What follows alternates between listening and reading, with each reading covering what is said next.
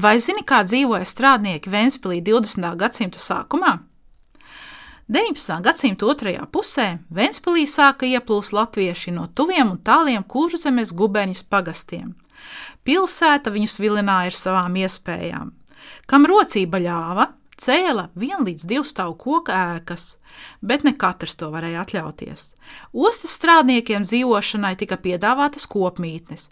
Apstākļi tur bija antisanitāri, un, lai arī kā pilsētas ārsts centās pieradināt kopmītņu iedzīvotājus pie tīrības, visvelti.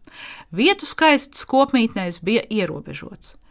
Tādēļ katrs mita, kur vien varēja. Kāds ostas strādnieks sev bija atradis samērā novatorisku mitekli. Viņš dzīvoja mucā. Tā gan nebija parasta mazā sīļķu muca, bet daudz lielāka, proti, vecs dzelzceļa piestātnes ūdens rezervuārs, kuru apdzīvotājs izlūdzies no dzelzceļa piestātnes priekšnieka. Ienācējiem dzīves apstākļi pilsētā bija grūti. Kā jau ierasts, algas bija mazas, dzīves apstākļi smagi. Darba devēji meklēja katru iespēju, lai nepārmaksātu. Liela problēma bija atrast pastāvīgu darbu. Pilsētas strādnieku lielāko daļu veidoja gadījumu strādnieki vai sezonas darbinieki. Uzņēmumi, kas piedāvāja pastāvīgu darbu, izmantoja to, lai maksātu mazāk par tādu pašu darbu, ko veica gadījumu strādnieks. Īpaši šajā jomā grēkoja Ventspils osta. Gadsimta mijā Ventspīlī notika lieli ostas un dzelzceļa būvniecības darbi, kas prasīja lielus cilvēku resursus. Līdz Pirmajam pasaules karam Ventspīlī iedzīvotāju skaits no 7000 bija izaudzis līdz 29,000.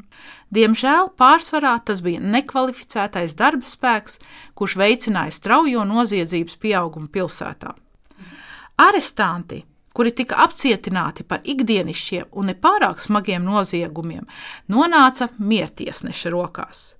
Miertiesneša darba ražīgums bija apskaužams. Mēneša laikā viņš iztiesāja 300 līdz 400 lietu. Nozieguma listē godpilno pirmo vietu ieņēma dūru vicināšana, kas parasti notika kādā pilsētas dzertuvē. Un tās Vēnspilī bija atliku likām Ja gadsimta mijā bija reģistrētas 27 dzertuves, tad 1911. gadā pēc neoficiāliem datiem jau 98. Otrajā vietā bija nakts miera traucēšana.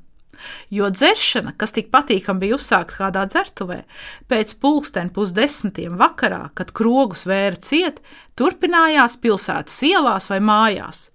Turīgākie mēdza vizināt sievietes ar fūrmani, skaļi bļaustoties un dziedot. Trešajā vietā bija zādzības.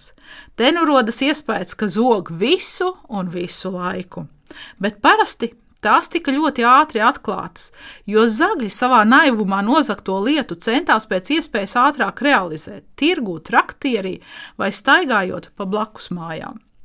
Kā rakstīja tā laika prese, Reiz kāds zārku taisītājs savam konkurentam izdarīja šādu štuku.